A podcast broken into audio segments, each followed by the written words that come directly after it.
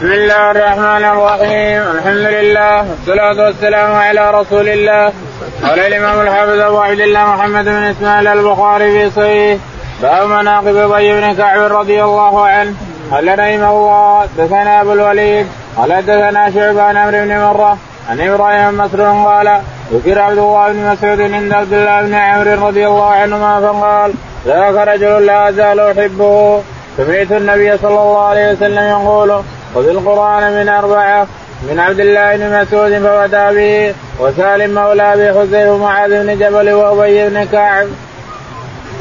بسم الله الرحمن الرحيم الحمد لله رب العالمين صلى الله على نبينا محمد وعلى آله وصحبه أجمعين. يقول الإمام الحافظ أبو عبد الله البخاري رحمه الله في صحيحه ونحن لا نزال في مناقب الصحابة رضي الله تعالى عنهم وأرضاهم. يقول هنا باب مناقب أبي بن كعب رضي الله تعالى عنه وأرضاه. حدثنا أبو الوليد. أبو الوليد. قال حدثنا شعبة. شعبة. قال حدثنا عمرو بن مرة. عمرو بن مرة قال عن إبراهيم مسروق. عن إبراهيم عن مشروق قال قال ذكر قال ذكر عند عبد الله بن عمرو بن العاص عبد الله بن مسعود رضي الله عنه فقال إني لا أزال أحبه لأني سمعت الرسول عليه الصلاة والسلام يقول اقرأوا القرآن من أربعة. عبد الله بن مسعود فبدأ به ثم سالم مولى أبي حذيفة ثم معاذ بن جبل ثم أبي بن كعب رضي الله عنه. أو قال أبي بن كعب ثم معاذ بن جبل؟ قال رحمه الله حدثني محمد بن بشار قال حدثنا غندان قال سمعت شعبة قال سمعت قتادة عن أنس بن مالك رضي الله عنه قال قال النبي صلى الله عليه وسلم لأبي إن الله أمرني أن أقرأ عليك لم يكن الذين كفروا. قال وسماني؟ قال نعم فبكى. يقول البخاري رحمه الله حدثنا محمد بن بشار. محمد بن بشار قال حدثنا غندر. غندر محمد بن جعفر قال قال حدثنا شعبة. حدثنا شعبة. قال حدثنا قتادة عن انس قتادة عن أنس رضي الله تعالى عنه أن النبي عليه الصلاة والسلام أمر أن يقرأ لم يكن سورة لم يكن الذين كفروا على أبي بن كعب سيد القرى يسمونه. فقال يا أبي أمرني الله أن أقرأ عليك لم يكن الذين كفروا. قال وسماني لك يا رسول الله؟ قال نعم سماك لي. اقرأ القرآن. اقرا لم يكن على أبي بن فبكى أبي رضي الله تعالى عنه. ابي ابي بن كعب هو أول من حفظ القرآن كاملا من أوله إلى آخره. وبعده حفظ صار حفاظ بعده. قال ما أبو حذيفة ثم ابن مسعود ثم معاذ ثم أبو السكن عمرو بن مرة ثم غيرهم. وحافظ كثير حفظوا القرآن لا يقرؤون القرآن إلا على صدورهم. يقول يجدونه مكتوبا مكتوبا في صدورهم. مدحهم الله تعالى تقدس في أظن في سورة الروم أنه يجدونه مكتوبا في صدورهم. محفوظا في صدورهم. صدور الصحابة رضي الله عنهم. غالب الصحابة يحفظونه لكن هل جميعهم تقول لا؟ فيهم قراء من أوله إلى آخره. وفيهم من يحفظ الثلثين. وفيهم من يحفظ النصف. وفيهم من يحفظ على كل على حسبه ونصيبه إلى آخره. قال أمرك الله؟ قال نعم. فبكى رضي الله عنه وأرضاه. نعم. باب مناقب زيد بن ثابت رضي الله عنه. قال رحمه الله حدثنا محمد بن بشار. قال حدثنا يحيى قال حدثنا شعبان قتادة. عن أنس رضي الله عنه قال جمع القرآن على عهد النبي صلى الله عليه وسلم أربعة كلهم من الأنصار أبي ومعاذ بن جبل وأبو زيد وزيد بن ثابت. قلت لأنس من أبو زيد؟ قال أحد عمومتي. يقول البخاري رحمه الله حدثنا مناقب زيد بن مناقب زيد بن ثابت رضي الله تعالى عنه وأرضاه. حدثنا محمد بن بشار محمد بن بشار قال حدثنا يحيى. يحيى قال حدثنا شعبة عن قتادة. شعبة عن قتادة. عن أنس. عن أنس رضي الله تعالى عنه أن النبي عليه الصلاة والسلام قال اقرأوا القرآن من أربعة. لأنهم هم الحفاظ الساعة حفاظ بإتقان قال عبد الله بن مسعود وسالم ومعاذ وأبي بن كعب رضي الله تعالى المهم منهم أبو السكن. قال من أبو السكن؟ قال أحد امومتي اسمه عبر عمرو بن بن السكن نعم. قال جمع القرآن على عهد النبي صلى الله عليه وسلم أربعة كلهم من الأنصار. يقول جمع القرآن على عهد النبي صلى الله عليه وسلم يعني كله من اوله إلى آخره. كله أربعة كلهم من الأنصار. عبد الله بن مسعود عبد الله بن مسعود ليس من الأنصار. أبي. أبي بن كعب ومعاذ بن جبل. ومعاذ بن جبل وأبو زيد. وأبو زيد. وزيد بن ثابت. وزيد بن ثابت. نعم هذول كلهم من الأنصار. أما عبد الله بن مسعود فهو هذلي من المهاجرين.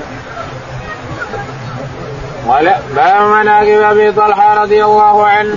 قال رحمه الله. دثنا أبو معمر. قال دثنا عبد الوارث. قال دثنا عبد العزيز. عن أنس رضي الله عنه قال لما كان يوم أحد انهزم الناس عن النبي صلى الله عليه وسلم وابو طلحه بين يدي النبي صلى الله عليه وسلم مجوب عنه عليه بجعبة له.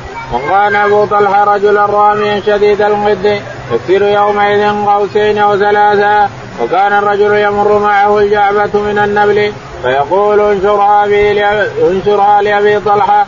فاشرف النبي صلى الله عليه وسلم ينظر إلى القوم فيقول أبو طلحة يا نبي الله بابي أنت أمي لا تشرف يصيبك سهم من سهام القوم نهري دون نهرك. فلقد رأيت عائشة بنت أبي بكر وبنت أبي بكر وأم سليم وإنهما لمشمرتان. ارى قدم سوقهما تنقر تنقران القرب على متونهما تفرغانه في افواه القوم. ثم ترجعان فتملان ماء ثم تجيئان فتفرغان في أفواه القوم. ولقد وقع السيف من يد أبي طلحة إما مرتين وإما ثلاثا. يقول البخاري رحمه الله حدثنا مناقب أبي طلحة. مناقب أبي طلحة سهل بن زيد بن سهل. سهل زيد بن سهل. أبو طلحة ام سليم هي زوجته. ربيبه أنس بن مالك رضي الله تعالى عنه. يقول حدثنا أبو معمر. أبو معمر. قال حدثنا عبد الوارث. عبد الوارث. قال حدثنا عبد العزيز.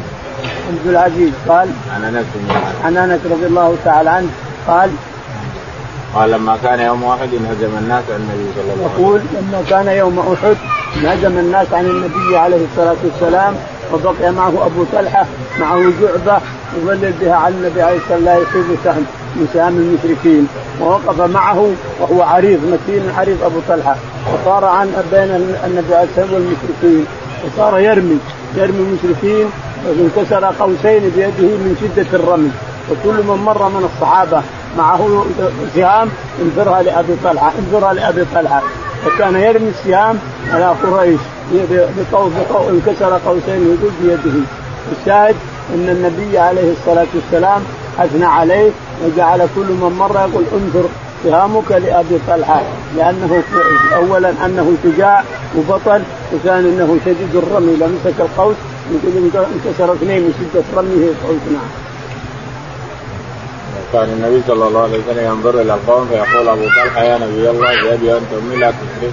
تصيبك كم كان النبي عليه الصلاة والسلام يطلع من كتف أبي طلحة ينظر القوم فيقول النبي صلى الله عليه وسلم فيقول أبو طلحة يا نبي الله لا يصيبك سهامهم. يقول رأيت عائشة وأم سليم ينقلان القرب تبدو خلاقيلهما الخلاقيل الفضة من الفضة تبدو سوقهما يعني تبدو الخلاقيل تجند بعضها بعض. يلبسون الخلاقيل من الفضة برجولهم. تسمى الخدم. خدمهما تسمى الخدم لأن تمشي ينقلون القرب ويسكون الجرحى. يسكون هذا يسكون هذا يسكون هذا. نفذت القربه راحت جابت أخرى وكذلك كل من رأوه في حاجة إلى الماء أو في حاجة إلى الحياة ينقلونه يشيلونه يجعلوه رجل أو رجلين يشيلونه يحملونه هناك ثم يعطونه طعام أو ماء أو شيء من هذا إلى آخره. الشاهد إن المرأة لها مفعول في الجيش. المرأة الصالحة إذا كانت مع الجيش لها مفعول كبير تجاهد في سبيل الله ولا تمنع المرأة من الجهاد في سبيل الله نعم. قال ولقد وقع السيف من يدي أبي طلحة اما مرتين. وقع السيف من يد أبي طلحة مرتين أو ثلاثة مرتين يعني يضرب بالسيف يضرب بالسيف يضرب بالسيف حتى يقع من يده من شدة من يضرب. نعم. باب مناقب عبد الله بن سلام رضي الله عنه قال رحمه الله دثنا عبد الله بن يوسف قال سمعت مالك يحدث عن ابي النضر مولى عمر بن عبيد الله عن عامر بن سعد بن أبي وقاص عن أبي رضي الله عنه قال سمعت النبي صلى الله عليه وسلم يقول يا احد يمشي على الأرض إنه من أهل الجنة إلا لعبد الله بن سلام قال وفي نزلت هذه الآية وشهد شاهد من بني إسرائيل الآية قال لا أدري قال مالك الآية وفي الحديث. يقول البخاري رحمه الله باب مناقب عبد الله بن سلام اليهودي من بني قينقاع رضي الله تعالى عنه لما أسلم قال للرسول عليه الصلاة والسلام يا رسول الله ادعو اليهود واسمع أسألهم عني.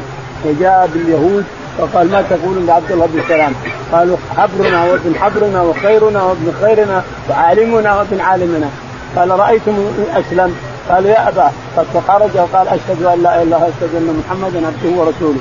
قال هذا شرنا وابن شرنا ما ما نزل بالنزل ما يكفي. شوف الحين توكم تقول حبر. قال انت تقول نزل يقول له ما لهم ذمة؟ قصده يبري نفسه. قال اسأل اليهود عني يا رسول الله قبل أن يعلموا أني اسلمت ثم سألهم بعد ما أسلمت. إلى آخره. اليهود ما لهم ذمة؟ ولا لهم عهد. الشاهد أنه يهودي من بني قينقاع. فأسلم رضي الله تعالى عنه ونزل فيه آيات آية في سورة الأحقاف سورة أظن في سورة آخر سورة الأحقاف وشهد شاهد على مثله واستكبرتم. شهد شاهد على مثل هذا القرآن. بني إسرائيل على مثله. بني إسرائيل على مثله. يعني أنتم استكبرتم يا قريش. وشهد شاهد من بني إسرائيل على مثله. على مثل هذا القرآن نعم. قال حدثنا عبد الله. يقول حدثنا عبد الله. قال حدثنا مالك. مالك. قال حدثنا أبو النضر أبو النضر. قال عن عامر بن سعد بن أبي عامر بن سعد بن أبي وقاص عن سعد رضي الله عنه. قال قال ما سمعت النبي صلى الله عليه وسلم يقول لأحد يمشي على الأرض إنه من أهل الجنة إلا لعبد الله. يقول ما سمعت لأحد يمشي على الأرض ان النبي عليه الصلاة والسلام. قال لأحد يمشي على الأرض إنه بالجنة إلا عبد الله بن سلام. بشره بالجنة وهو يمشي على الأرض.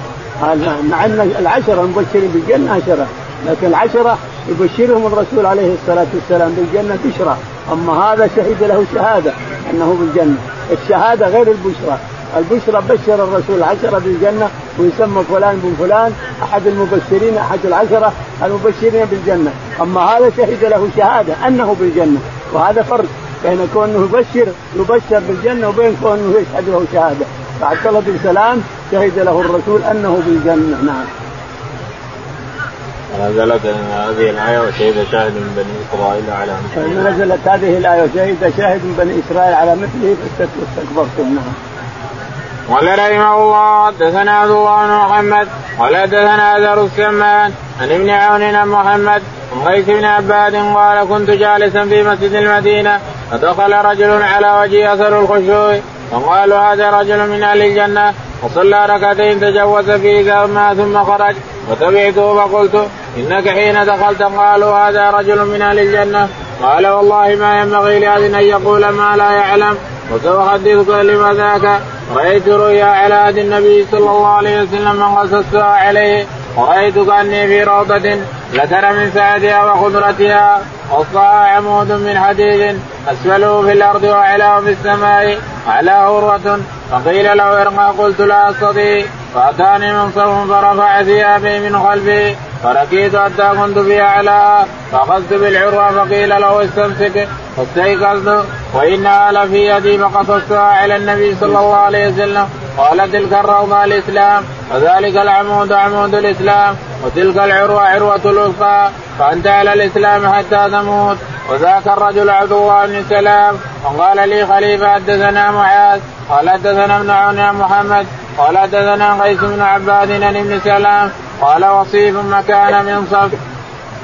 يقول البخاري رحمه الله حدثنا عبد الله بن محمد. عبد الله بن محمد قال حدثنا أزهر السمان. أزهر السمان قال حدثنا ابن عون. ابن عون قال حدثنا محمد.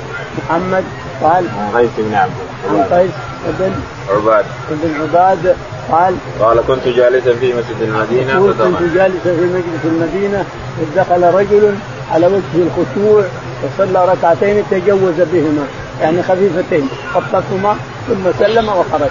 يقول فتبعته. الناس لما أسلم لما جاء عبد الله بن سلام دخل المسجد قالوا هذا رجل من أهل الجنة. الناس اللي في المسجد قالوا هذا رجل من أهل الجنة. يقول فدخل الرجل وصلى ركعتين أجوز فيهما ثم خرج. يقول لما خرج تبعته. وقلت له القوم اللي في المسجد لما دخلت قالوا إنك في الجنة. قال لا ينبغي لأحد أن يشهد لأحد بالغيب. هذا غيب عند الله تعالى وتقدس. ولكن تعال سأحدثك بما حملهم على هذا. إن النبي إنني رأيت رؤيا النوم كاني في روضة. روضة كبيرة سعد وكأن الروضة فيها عمود. عمود حديد. وكأن العمود في راسه عروة يقول وكأني خرجت من هذه الروضة هذه فاردت أن أصعد العمود فلم أستطع. فجاءني شخص ونهض ثيابي ثم نهضني بثيابي. حتى وصلت إلى العروه الوثقى وقال استمسك بها. يقول فمسكتها واستيقظت وأنا ماسك بها. وقصصت على الرسول عليه الصلاة والسلام فقال هذه الروضة الإسلام والعمود عمود الإسلام والعروة هي الوثقى العروة الوثقى. العروة تمسكت بها هي العروة الوثقى وانك إن شاء الله تملك على الإسلام وعلى العروة الوثقى إن شاء الله. قال رحمه الله دثنا سليمان بن حرب قال دثنا شعبة عن سعيد بن أبي عروبة عن ابي قال أتيت المدينة فلقيت عبد الله بن السلام رضي الله عنه وقال لا تجي فاطعمك سويقا وتمرا وتدخل في بيت ثم قال إنك بارض الربا بها فاش إذا كان إذا كان لك على رجل حق فأتى إليك حملة ابن أو حمل شعير أو حمل غد فلا تأخذ فإنه ربا ولم يذكر النور أبو داود وواب عن شعبة البيت. يقول البخاري رحمه الله حدثنا سليمان. سليمان قال حدثنا شعبة. شعبة قال حدثنا سعيد بن أبي بردة. سعيد بن أبي عروبة قال عن أبي بردة. عن أبي بردة قال عن أبيه. عن أبيه أبو بردة قال قال أتيت المدينة فلقيت عبد الله بن سليم يقول أبو بردة إنه أتى المدينة فأتى أتى المسجد فوجد عبد الله ابن ابن ابن سلام رضي الله عنه فقال الناس كذا وكذا. يقول نعم.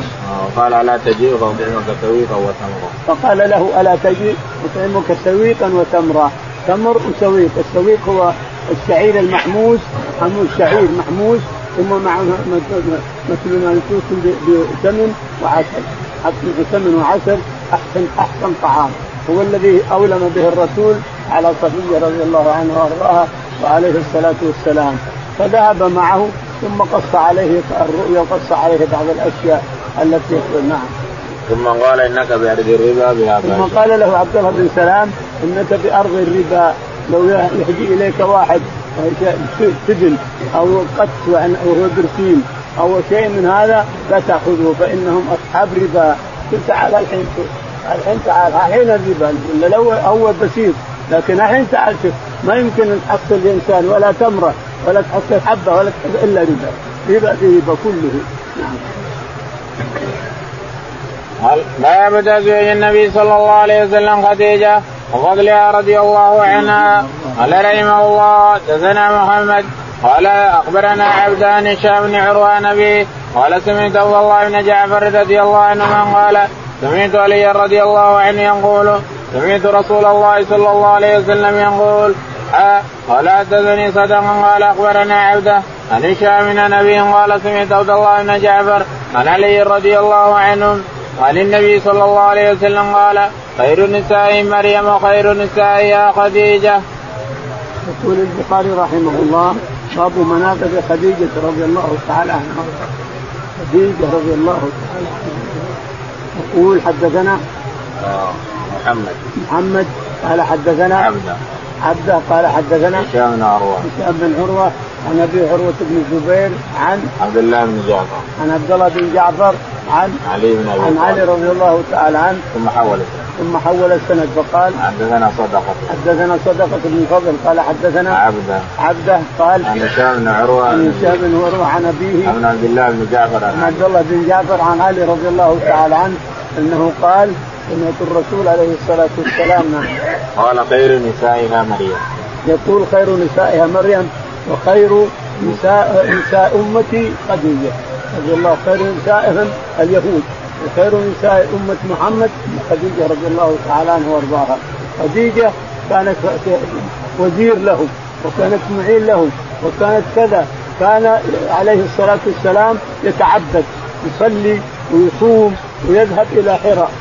جبل النور هذا اللي تشوفونه. يذهب ويطلع في هو يطلع معهم وهو من بعيد الأرض بعيدة لكن يمشي مع الطريق حتى يجي غار. وما يجلس في الغار أحيانا 15 يوم أحيانا عشرة أيام. يتعبد الله. وهي رضي الله تعالى عنها وأرضاها. تاكل تأخذ الطعام والشراب وتأخذ ما يحتاجه ثم تذهب إليه على رجوله إلى جبل النور ثم تصعد الطريق هذا الذي هو. تسعد بإذن الله حتى تأتي الرسول في الغار. تدخل عليه في الغار وتعطيه الطعام وتعطيه الشراب وتجلس عنده حتى الليل ثم تأتي عرجلاتها من هنا من الحرم إلى جبل النور رضي الله عنها وأرضاها. اخذت على هذا حتى جاءت النبوة.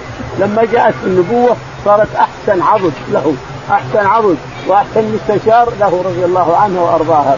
جاءته النبوة وهو من حرة جاءه جبريل عليه الصلاة والسلام فغطه خنقه ثلاث مرات. يخنقه ثم يفكه يخنقه ثم يفكه يخنقه يقول اقرأ. قال ما أنا بقارئ قال اقرأ اقرأ. حتى قال اقرأ باسم ربك الذي خلق. خلق الانسان من علق اقرأ وربك الأكرم. هذه الثلاث الآيات أول ما نزل من القرآن. فلما قرأ هذه الآيات تركه جبريل.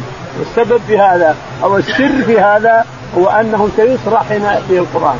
هذا الخنق هذا وكونه يأتي يغطه حتى يغفي حتى يغفل عن نفسه. يغطه يخنقه حتى يغفل عن نفسه. توطئة لأن القرآن إذا نزل رايح يصرع الرسول عليه السلام يخنق حتى يأتي الوحي. فإذا انتهى الوحي بإذن الله رجع إلى ما كان عليه وصار القرآن على الناس. يعني هذا توطئة. فكانت تأخذ كل ما يحتاجه رضي الله عنها وأرضاها فتذهب إليه وبشرها ربنا تعالى وتقدس ببيت في الجنة من قصب لا صخب فيه ولا نصب. بيت في الجنة من قصب لا صخب فيه ولا بشرها وهي حية. قبل أن تموت رضي الله عنها وأرضاها. يقول عائشة ما غرت على امرأة من نساء الرسول مثل ما غرت على خديجة. يذهب الذبيحه ثم يفرقها على صديقات خديجة. ثم ثم لاخذ مده ذبح ذبيحه واخرجها على خديجة على ثم حتى إن هاله استأذنت مرة على الرسول عليه الصلاة والسلام. هالة أخت خديجة.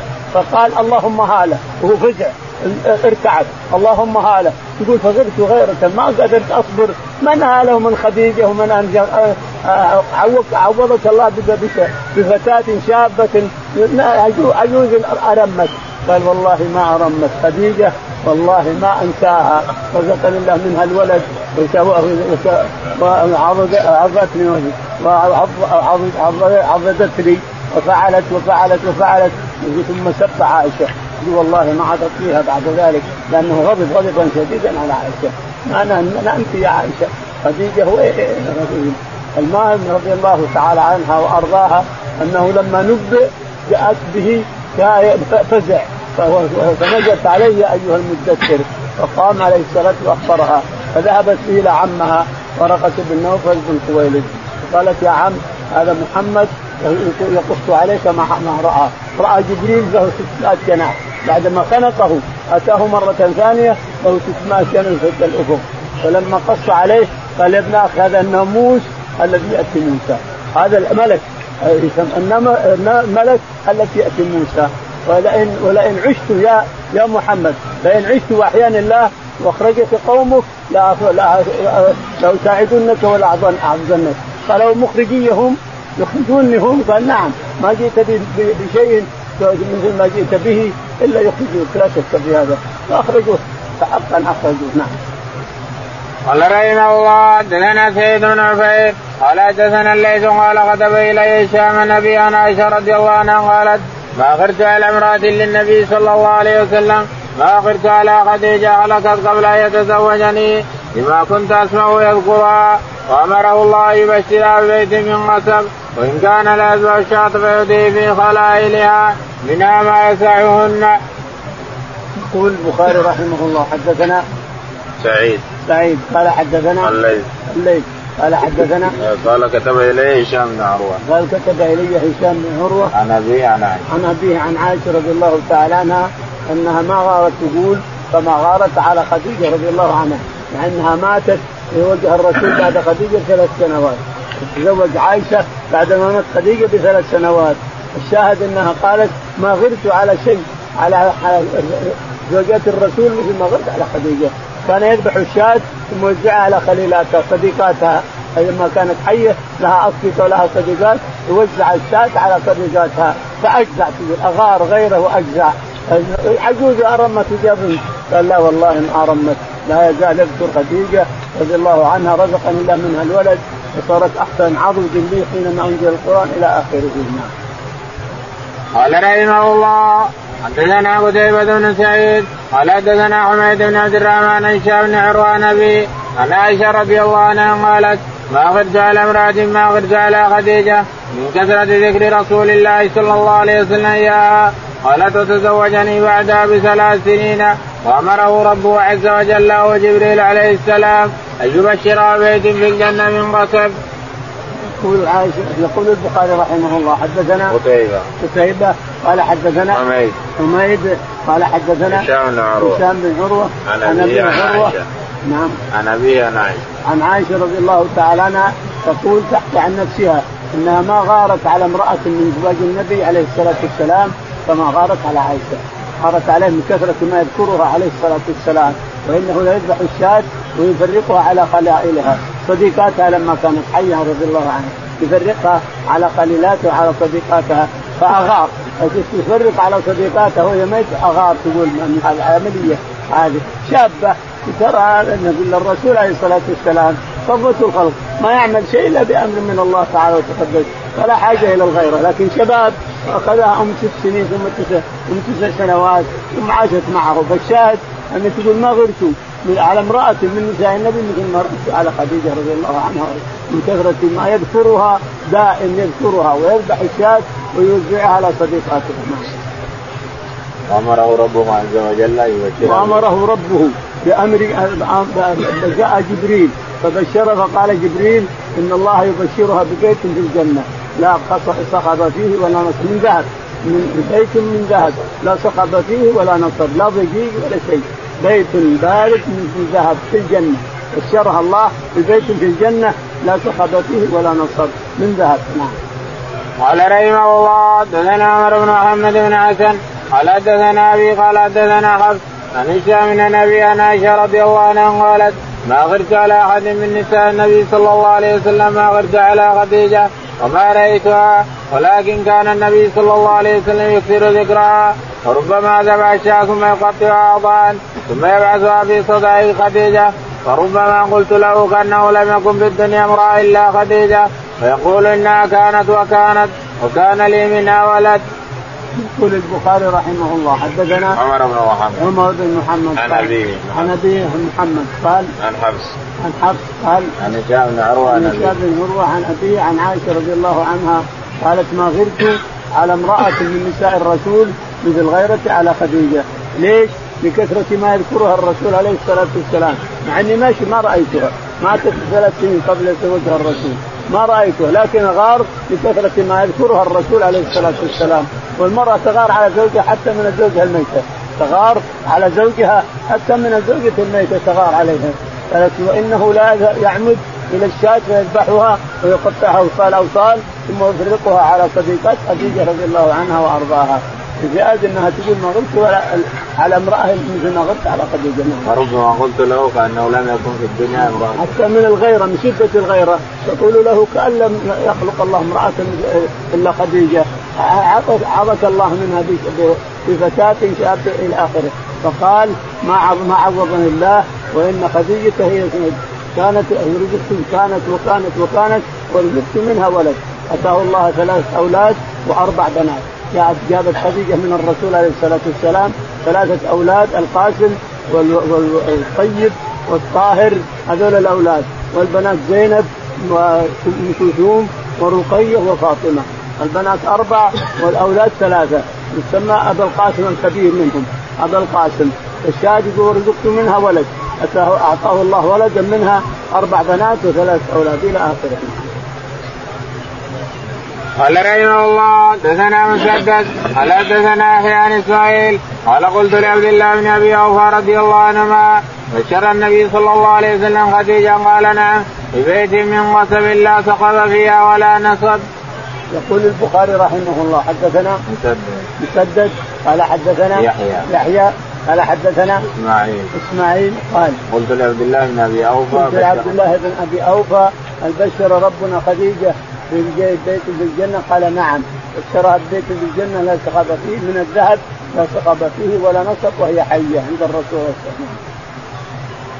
قال رحمه الله حدثنا قتيبة بن سعيد قال حدثنا محمد بن فضيل عن عمارة عن أبي زرع عن أبي هريرة رضي الله عنه قال أتى جبريل النبي صلى الله عليه وسلم قال يا رسول الله هذه خديجة قد اتت معها إناء فيه دام أو طعام أو شراب فإذا هي أتت فاقرأ عليه السلام من ربها ومني وبشرها ببيت في الجنة من قصب لا سقف فيها ولا نسب.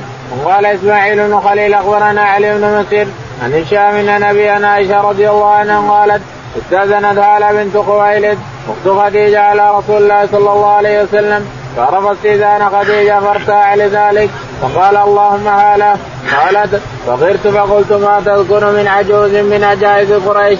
أمرأة غين هلكت في الدار قد أبدلك الله خيرا منها. يقول البخاري رحمه الله حدثنا قتيبة قتيبة بن سعيد قال حدثنا محمد. محمد قال حدثنا عمارة. عمارة قال عن أبي زرعة عن أبي هريرة. زرعة بن عمرو عن أبي هريرة رضي الله تعالى عنه أن عائشة رضي الله عنها قالت اتى جبريل النبي صلى الله عليه وسلم فقال يا رسول الله هذه أتى النبي عليه الصلاة والسلام فقال هذه خديجة أقبلت إليك معها طعام فإذا أتتك فاعطيها من الله السلام وبشرها ببيت في الجنة لا صخب فيه ولا نصب وأعطيها مني السلام أيضا. جبريل يقول اقرأها من الله السلام واقرأها مني أيضا أنا وبشرها ببيت في الجنة لا صخب فيه ولا نصب. نعم. قال ثم حول السند وقال حدثنا إسماعيل بن خليل. ثم حول مرتاحة. فقالت سبحان الله. قالت كأن عجوز أرمت. أبدلك الله بخير منها. ارتاحت غارت. تقول قلت غيرة شديدة. لأنه ارتاح. لما استأنت هالة قال اللهم هالة فصارت هالة أخت خديجة رضي الله تعالى عنها. فقالت ما هذه الغير؟ ما هذا الفزع؟ أبدلك الله خيرا منها. فقال لعائشة ما ابدل الله خيرا منها. خديجة رزقت منها ولد. وخديجة كذا وخديجة كذا وخديجة كذا إلى آخره. باب ذكر جرير بن عبد الله البجلي رضي الله عنه. قال رحمه الله دثنا إسحاق الواسطي. قال دثنا خالد بيان. عن قيس قال سمعت يقول قال جرير بن عبد الله رضي الله عنه ما حجبني رسول الله صلى الله عليه وسلم منذ أسلمت ولا رآني إلا ضحك وعن قيس عن جرير بن عبد الله قال كان في الجارية بيت يقال له ذو الخلصة وكان يقال له الكعبة اليمامة أو الكعبة الشامية فقال لي رسول الله صلى الله عليه وسلم هل أنت مريحي من ذي الخلصة؟ قال فنفرت إلى إليه في خمسين ومائة فارس من أحمد قال فكسرنا وقتلنا ما وجدنا عندها فأتينا فأخبرناه فدعا لنا ولأحمد. يقول البخاري رحمه الله باب مناقب جرير بن عبد الله البجلي رضي الله عنه نجيله من وراء الطائف مسافه طويله وراء الطائف بني سعد وبني الرد وبجيلة كلهم من وراء الطائف ذات الباحة من هناك. يقول رحمه الله حدثنا إسحاق. إسحاق الواسطي. إسحاق الواسطي. قال حدثنا خالد. خالد. قال حدثنا بيان. بيان. بيان. قال عن غيث. عن عن غيث. عن غيث. قال حدثنا قال سمعت جرير يقول ما حجبني رسول الله صلى الله عليه وسلم. يقول يقول جرير رضي الله تعالى عنه ما حجبني الرسول عليه الصلاة والسلام ولا رآني إلا ضحك. ما حجبني يعني إذا جاء أستأذن جرير قال تفضل. ولا رآني إلا ضحك عليه الصلاة والسلام. وكان يقول جرير معه 150 فرس ولا يثبت على الفرس هو حتى وضع الرسول عليه الصلاة والسلام يده على صدره وقال لما ثبته يقول فكانت لو تطير الفرس طيران ما تعرف كان. والاول يطير إذا ركب كذا صح فدعاه الرسول عليه الصلاة والسلام ووضع يده على صدره فكان لو تطير الفرس ما تحرك. ثم قال له اذهب يا جرير فاهدم الخلصه الخلصه بيت صنم يعبدونه بديله وبني بن حرس وغمد وكل القبائل اللي جهه الباحة هناك من وراء الطائف يعبدون هذا الصنم. فذهب جرير رضي الله عنه ب 150 فارس وهدموها وقتلوا الشيطان اللي فيها طلعت سوداء تصيح نزل في شعرها فجللها بالسيف وقتلها. ثم أحرقوا البيت كله كل البيت أحرقوه. وجاء وأرسل رسول للرسول أننا أحرقناها يا رسول الله وقتل العجوز اللي خرجت منها. فدعا لبجيله. لكن هل تعود هذه الخلصه؟ نعم الآن عادت الآن يقول لا تقوم الساعة حتى تضطرب اليات نساء دوس على ذي الخلصه الآن عادت. الآن يطوفون بها. موجودة في أرض بجيله نعم. باب ذكر حذيفة بن اليمان العبسي رضي الله عنه. قال رحمه الله دثنا إسماعيل بن خليل قال أخبرنا سلمة بن رجاء عن هشام بن عروان أبي عائشة رضي الله عنها قالت لما كان يوم أحد هزم المشركون هزيمة بينة وطاع إبليس عباد الله أخراكم فرجعت لهم على أخراهم فاجتلدت أخراهم فنظر حذيفة فإذا هو بأبيه فنادى عباد الله أبي ابي فقالت والله ما احتجزوا حتى قتلوا فقال حذيفة غفر الله لكم. قال ابي فوالله ما زالت في حذيفة منها بقية خير حتى لقي الله عز وجل. يقول البخاري رحمه الله باب مناقب حذيفة بن اليمان رضي الله عنه. حدثنا إسماعيل. إسماعيل. قال حدثنا سلمة. نعم سلمة. قال عن هشام بن عروة. عن هشام بن عروة عن أبيه. عن عائشة رضي الله تعالى عنها. أن حذيفة بن اليمان رضي الله عنها قال لما كان يوم أحد هزم المشركون. يقول لما كان يوم أحد هزم المشركون ولكن جاءهم الشيطان فصاح. أخراكم أخراكم. فرجع المشركون على المسلمين وصار معركة عظيمة. فجالدوا وإذا أبوه بين الناس وقال أبي أبي يا إخواني يا مسلمين أبي أبي. ضربته السيوف حتى مات. فلا زالت بقية خير في حذيفة بن رضي الله عنه. صاحب سر الرسول عليه الصلاة والسلام لا يعلم السر سر الرسول إلا حذيفة. باب ذكر هند باب ذكر هند بن باب ذكر هند بنت عتبة رضي الله عنها قال عبدان أخبرنا عبد الله قال أخبرنا يونس عن الزهري قال حدثني عروة ان عائشة رضي الله عنها قالت جاءت هند بنت عتبة رضي الله عنها قالت يا رسول الله ما كان على ظهر الأرض من أهل خبائث أحب الي إلي أن يذلوا من أهل خبائث ثم ما اصبح اليوم على ظهر الأرض. أهل خبائث أحب إلي أن يغزوا من أهل خبائث قالت وأيضا والذي نفسي بيده. قالت يا رسول الله إن ابا سفيان رجل مسيك قال لي حرج أن أطعم من الذي له عيالنا؟ قال لا أراه إلا بالمعروف. يقول البخاري رحمه الله باب مناقب هند بنت أبي سفيان هند بنت عتبة. زوجة. أبي سفيان. هند بنت عتبة بن المغيرة زوجة أبي سفيان رئيس قريش. تقول يقول حدثنا عبدان عبدان قال حدثنا عبد الله عبد الله قال حدثنا يونس. يونس. قال حدثنا الزهري. الزهري. قال عن عروة عن عائشة. عن عروة عن عائشة رضي الله تعالى عنها أن هند لما أسلمت أتت إلى الرسول عليه الصلاة والسلام فقالت يا رسول الله والله ما في ما كان أهل بيت اولا. أرغب أن يذلوا إلا إلا بأهل بيتك أنت وأهل بيتك. والآن يوم أسلمت فما ما أرغب أن يعز أهل بيت إلا أنت وأهل بيتك. أرغب أن يعزوا يا رسول الله. فضحك عليه الصلاة والسلام لثبات الدين في قلوب من أسلم من النساء والرجال. سبحان الله وتقدم. ثبات الدين إذا أسلموا من النساء والرجال.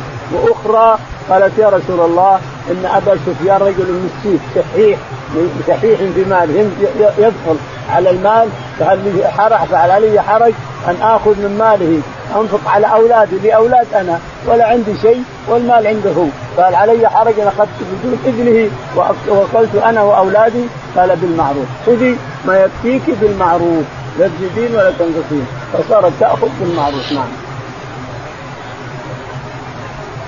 باب حديث زيد بن عمرو بن نفيل رضي الله عنه قال رحمه الله حدثني محمد بن أبي بكر قال حدثنا فضيل بن سليمان قال حدثنا موسى قال حدثنا سالم بن عبد الله عن عبد الله بن عمر رضي الله عنهما قال إن النبي صلى الله عليه وسلم لقي زيد بن عمرو بن نفيل بأسفل بلدة قبل أن ينزل على النبي صلى الله عليه وسلم الوحي فقدمت إليه إلى النبي صلى الله عليه وسلم صفرة فأبى أن يأكل منها.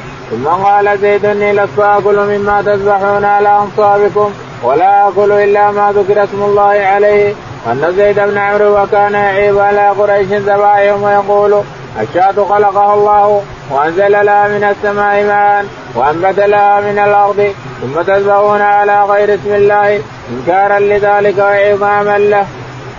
يقول البخاري رحمه الله باب مناقب زيد بن عمرو بن نفيل والد سعيد أحد العشرة المشهودهم الجنة. سعيد بن زيد بن عمرو بن نفيل. قال حدثنا محمد بن ابي محمد. قال حدثنا عبيد فضيل. قال حدثنا موسى بن عقبه موسى بن عقبة. قال عن سالم بن عبد الله بن عن عمر. سالم بن عبد الله بن عمر. عن أبي. عن أبي عبد الله بن عمر رضي الله عنه. نعم فقال لقي النبي صلى الله عليه وسلم زيد بن عمرو بن نفيل يقول إن النبي عليه الصلاة والسلام قبل أن ينبأ لقي زيد بن عمرو بن نفيل بأسفل مكة. يقول وجيء بسفره فرفض أن يأكل منها. قال أنتم أنزل الله لكم الغنم الشاة وأنزل لها الماء وأنزل لها الطعام العلف تأكلوا منها ثم تذبحونها لأصنامكم. هذا هذا مو عدل هذا جور. الله اللي يخلقها لكم. ينزل لها الماء ينزل لها الطعام ومعها تذبحون لاصنامكم هذا جور وهذا كفر لا, ما نأكل ما آكل إلا ما ذكر اسم الله عليه. يقول له زيد ما آكل لما يقول سمعت هذا من زيد فإنه لا يبعث أمة وحده. زيد بن عمرو بن نفيل يبعث أمة وحده. نعم. قال موسى حدثنا سالم بن عبد الله ولا أعلمه يحدث به إلا عن ابن عمر. ان زيد بن عمرو بن نفيل خرج إلى الشام يسأل عن الدين ويتبعه فلقي عالما من اليهود فساله عن دينه وقال إني لعلي أن أدين دينكم فأخبرني. قال لا تكون على ديننا حتى تأخذ بنصيبك من غضب الله. قال زيد ما أفر إلا من غضب الله ولا أحمل من غضب الله شيئا أبدا. وأني أستطيع بل تدلني على غيري. قال ما أعلم إلا أن يكون حنيفا. قال زيد وما الحنيف؟ قال إبراهيم لم يكن يهوديا ولا نصرانيا ولا يعبد إلا الله. فخرج زيد فلقي عالما من النصارى فذكر مثله. فقال لن تكون على ديننا حتى تأخذ بنصيبك من لعنة الله. قال ما أفر إلا من لعنة الله ولا أحمل من لعنة الله ولا من غضبه شيئا أبدا. وأني استطيع بل تدلني على غيره قال ما أعلم إلا أن يكون حنيفا. قال وما الحنيف؟ قال دين إبراهيم لم يكن يهوديا ولا نصرانيا ولا يعبد إلا الله. فلما رأى زيد قولهم بإبراهيم عليه السلام خرج. فلما برز رفع يديه. قال اللهم إني أشهد أني على دين إبراهيم. قال الليث كتب إليه هشام ان نبيا اصنع من أبي بكر رضي الله عنهما قالت رأيت زيد بن عمرو بن فيل قائما مسندا ظهره إلى الكعبة يقول يا معاشر قريش والله ما منكم على دين إبراهيم غيري وكان في المعودة يقول للرجل إذا أراد أن يقتل ابنته لا تقتلها أنا اكفيكها أنا اكفيكها مؤونتها فيأخذها فإذا ترعرت قال لأبيها إن شئت دفعتها إليك وإن شئت كفيتك مؤونتها. يقول البخاري رحمه الله. حدثنا وقال موسى بن عقبة قال حدثني سالم. قال موسى بن عقبة. قال حدثني آه سالم بن عبد الله. سالم بن عبد الله عن أبي عن أبي عبد الله بن عمر رضي الله عنه. قال أن زيد بن عمرو بن نفيل خرج إلى الشام. يقول إن زيد بن عمرو بن نفيل خرج إلى الشام يلتمس الدين ووجد يهودي فجلس عنده فقال ما ما دينكم؟ قال لا تدخل ديننا. حتى تبوء بغضب الله. اليهود غضب الله والنصارى لعنة الله. نعوذ بالله نعوذ بالله حتى تبوء بغضب الله. قال أنا فرغت من غضب الله. لا أريد غضب الله.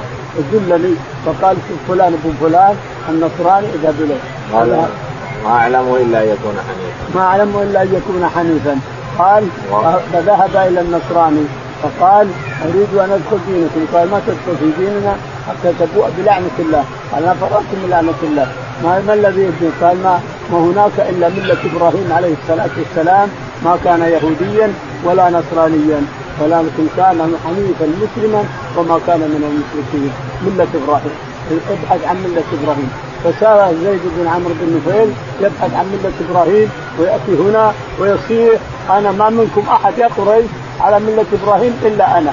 ما منكم أحد يا قريش على ملة إبراهيم إلا أنا. فيتعجبون من كلامه الكعبة يمشي ظهره على الكعبة يصيح ما منكم يا قريش على ملة إبراهيم إلا أنا الحنيفية إبراهيم الحنيفية. يقول إن من ميزته وشهامته وعطفه أنه يأخذ الموؤوده الرجل من الكفار إذا ولد له بنت.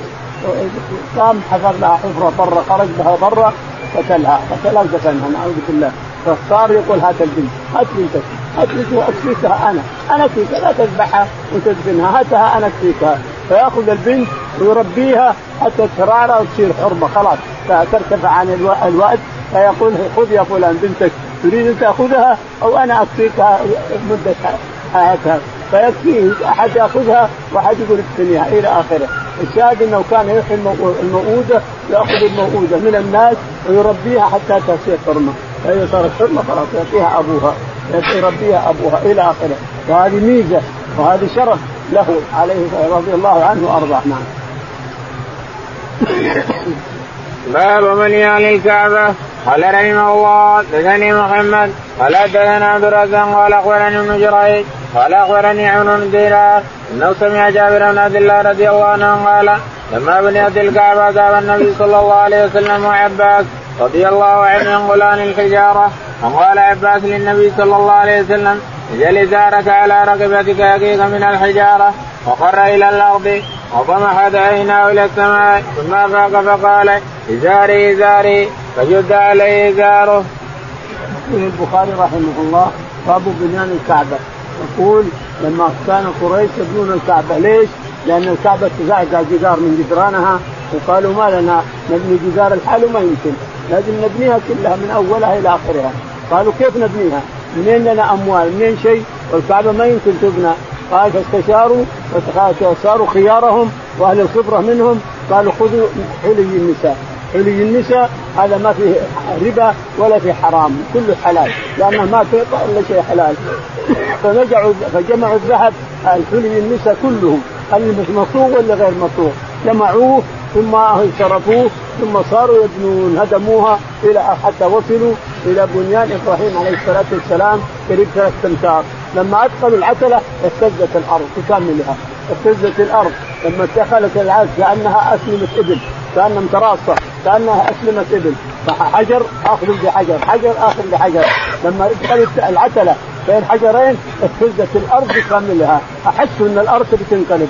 فتركوها ثم بنوا فوق الجدران الذي لكن قصرت بهم النفقة فأخرجوا منها ستة أذرع أو سبعة. السابع احتياطا وستة من الكعبة بلا شك. الشاهد أخرجوا الحجر هذا من الكعبة وبنوها على ما ترون نعم قال حدثنا محمود. يقول البخاري حدثنا محمود قال حدثنا عبد الرزاق. عبد الرزاق قال حدثنا ابن جريج. نعم. ابن جريج قال عن عمرو بن دينار. عن عمرو بن دينار عن جابر بن عبد الله. عن جابر رضي الله تعالى قال لما بنيت الكعبة ذهب النبي صلى الله عليه وسلم. لما كانوا يبنون الكعبة قريش يبنون الكعبة صار الرسول عليه الصلاة والسلام يبني معهم قبل أن ينبأ يبني معهم فينقل حجارة من أبي قبيس. لا يمكن أن تبنى الكعبة إلا من أبي قبيس من جبل أبي قبيس لأنه حد الخمسة الجبال المشهود له بالجنة. الشاهد كانوا ينقلون الحجارة من أبي قبيس فينقل الرسول عليه الصلاة والسلام الحجارة ويجعل الطوب الطوب الحجر اللي ينقله على كتفه والعباس معه. العباس يحط الإزار على كتفه حتى الحجر فوق الإزار. قال للرسول عليه الصلاة والسلام اجعل إزارك على كتفك حط الحجر. لما كشف عورته عليه راح مخفيا عليه. إزاري إزاري أفاق إزاري إزاري. فحط إزاره على نفسه وستر نفسه عليه الصلاة والسلام. ثم صار ينقل مع الناس إلى آخره. لما تمت لما تمت الكعبة لما وصلوا إلى الحجر الأسود خاصم قبائل قريش بكاملها. تخاصموا وكاد أن يكون بينهم قتال على الحجر الأسود. من يضعه بمكانه؟ إذا كانت القبائل بكاملها. فقالوا حكموا بينكم من يخرج من هذا الباب. اللي يخرج باب الصفا؟ حكموا بينكم. فحكموا بينهم من يخرج باب الصفا. فخرج الرسول عليه الصلاة والسلام وكانوا يسمونه الأمين. ها خرج الأمين خرج الأمين. فجاء عليه الصلاة والسلام وقال قالوا تنازعنا على حجر من يضعه قال ائتوني بشرشف ائتوني بشرشف طبيب فجاءوا بشرشف فوضع الشرشف بالوسط. قال تمسك كل قبيلة. الله أكبر الله أكبر. تمسك كل قبيلة من هذا الشرشف وصله فرضوا بالحكم هذا واخذه بيده عليه الصلاة والسلام ووضع الحجر بمكانه اللي موضوع فيه نعم وهو يدل 35 سنة ذلك اليوم. قال رحمه الله دثنا أبو النعمان. قال دثنا حماد بن زيد عن عمرو بن دينار وعبيد الله بن أبي يزيد. قال لم يكن على عهد النبي صلى الله عليه وسلم حول البيت حائض كانوا يصلون حول البيت حتى كان عمر رضي الله عنه فبناه له حائطا. قال عبيد الله جدره قصير فمنع ابن الزبير. يقول البخاري رحمه الله حدثنا أبو النعمان. أبو النعمان قال حدثنا حماد. حماد قال حدثنا عمرو بن دينار. عمرو بن دينار وعبيد الله. وعبيد الله قال قال لم يكن على عهد النبي صلى الله عليه وسلم حول البيت حائط. قال لم يكن على حول النبي البيت حائط على عهد الرسول عليه الصلاة والسلام. لم يكن حائط يعني الحجر الحجر هذا ما له جدار. يجعلون على الأرض يمشون الناس عليه يطوفون من يقول فجاء نعم. حتى كان عمر فبنى حوله. حتى كان عمر رضي الله تعالى عنه فبنى هذا الحجر. هذا الجدار اللي بناه هنا ثم جدده ابن الزبير بعد ذلك. صاح ثم جدده عبد الله بن الزبير لما كان خليفة للحجاز واليمن والعراق. نعم. باب أيام الجاهلية. قال رحمه الله دثنا مسدد. قال حدثنا أيام قال حدثنا هشام. قال حدثني أبي عن عائشة رضي الله عنها قالت كان عاشوراء يوما تصوم قريش في الجاهلية وكان النبي صلى الله عليه وسلم يصومه. فلما قدم المدينة صام وامر بصيامه. فلما نزل رمضان كان من شاء صام ومن شاء لا يصومه. يقول البخاري رحمه الله باب صيام يوم عاشوراء. أو باب أيام الجاهلية. حدثنا مسدد. حدثنا مسدد. قال حدثنا يحيى. يحيى. قال حدثنا هشام بن عروة. هشام بن عروة عن أبيه. عن عائشة. عن عائشة رضي الله تعالى عنها قالت كان أيام عاشوراء يصومه الجاهليون. يصومه أهل الجاهلية يعني قريش. يصومون هنا ويصومون أيام عاشوراء. لكن هذا كله خطأ. هذا ما أخذ على أبي البخاري أنه لم يصومه أحد من قريش ولا شيء. ولا درى عن عاشوراء. حتى هاجر عليه الصلاة والسلام إلى المدينة فوجد اليهود يصومون عاشوراء. لماذا يا يهود تصومون في المدينة؟ لماذا تصومونه؟ قال هذا أهلك الله فيه مع فرعون ونجى به موسى فنحن نصومه. شكرا لله الذي نجى قال نحن أحق بموسى منكم. فصامه وأمر الناس بصيامه. هذا الحديث الصحيح الذي الرسول عليه الصلاة والسلام لما هاجر وجد اليهود يصومونه ولا فقريش لم تصم عاشور ولا تعرف عاشور ولا الرسول يعرف عاشور ذلك اليوم. حتى وصل إلى المدينة مهاجرا. فرأى اليهود يصومون عاشوراء. العاشر من من من المحرم. فسألهم لماذا؟ قالوا إن الله نجى موسى وأهلك عدوه. قالوا نحن احق بموسى منكم. فصامه وأمر الناس بصيامه ثم بعد ذلك قال خالفوا اليهود صوموا يوما قبله. بعده. فصام الحادي عشر رضي الله عليه الصلاة والسلام حتى صارت السنة التي توفي فيها. قال لئن عشت إلى قابل لاصومن التاسع والعاشر. لئن عشت إلى قابل. السنة اللي تجي لاصومن التاسع والعاشر. يعني يترك الحادي عشر. يصوم العاشر يصوم التاسع قبله. فصيام التاسع أفضل. لأن هذا اللي قاله عليه الرسول عليه الصلاة والسلام. تصوم تسعة وتصوم عشرة من محرم الإنسان. نعم. الله أعلم. اللهم اهدنا فيمن هديت. عافنا فيمن عافيت وتولنا فيمن توليت. اللهم توفنا مسلمين والحقنا بالصالحين يا رب العالمين.